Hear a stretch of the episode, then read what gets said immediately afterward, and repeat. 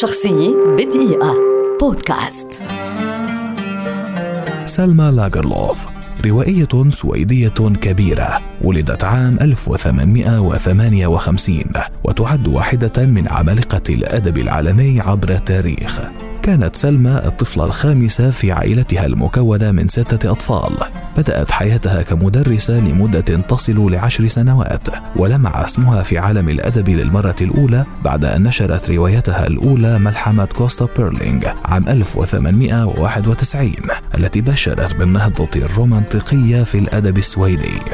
بحلول عام 1895 قررت سلمى ترك مهنة التدريس لتكرس نفسها للأدب فقامت برحلة إلى فلسطين في مطلع القرن العشرين وأقامت في القدس وعند عودتها لبلادها أصدرت كتابا تضمن انطباعاتها عن هذه البقعة الفريدة من العالم. ومن أشهر مؤلفاتها رحلة نيلز هولجرسنز الرائعة عبر السويد.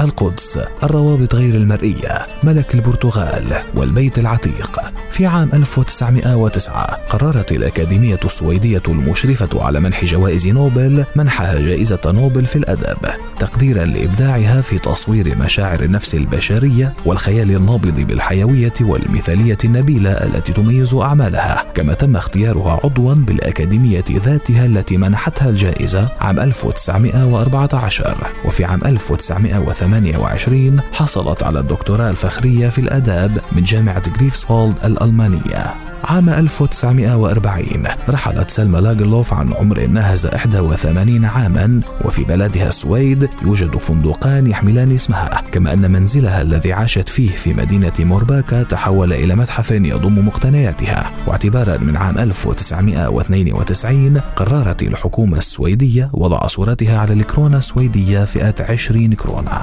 شخصية بدقيقة. بودكاست.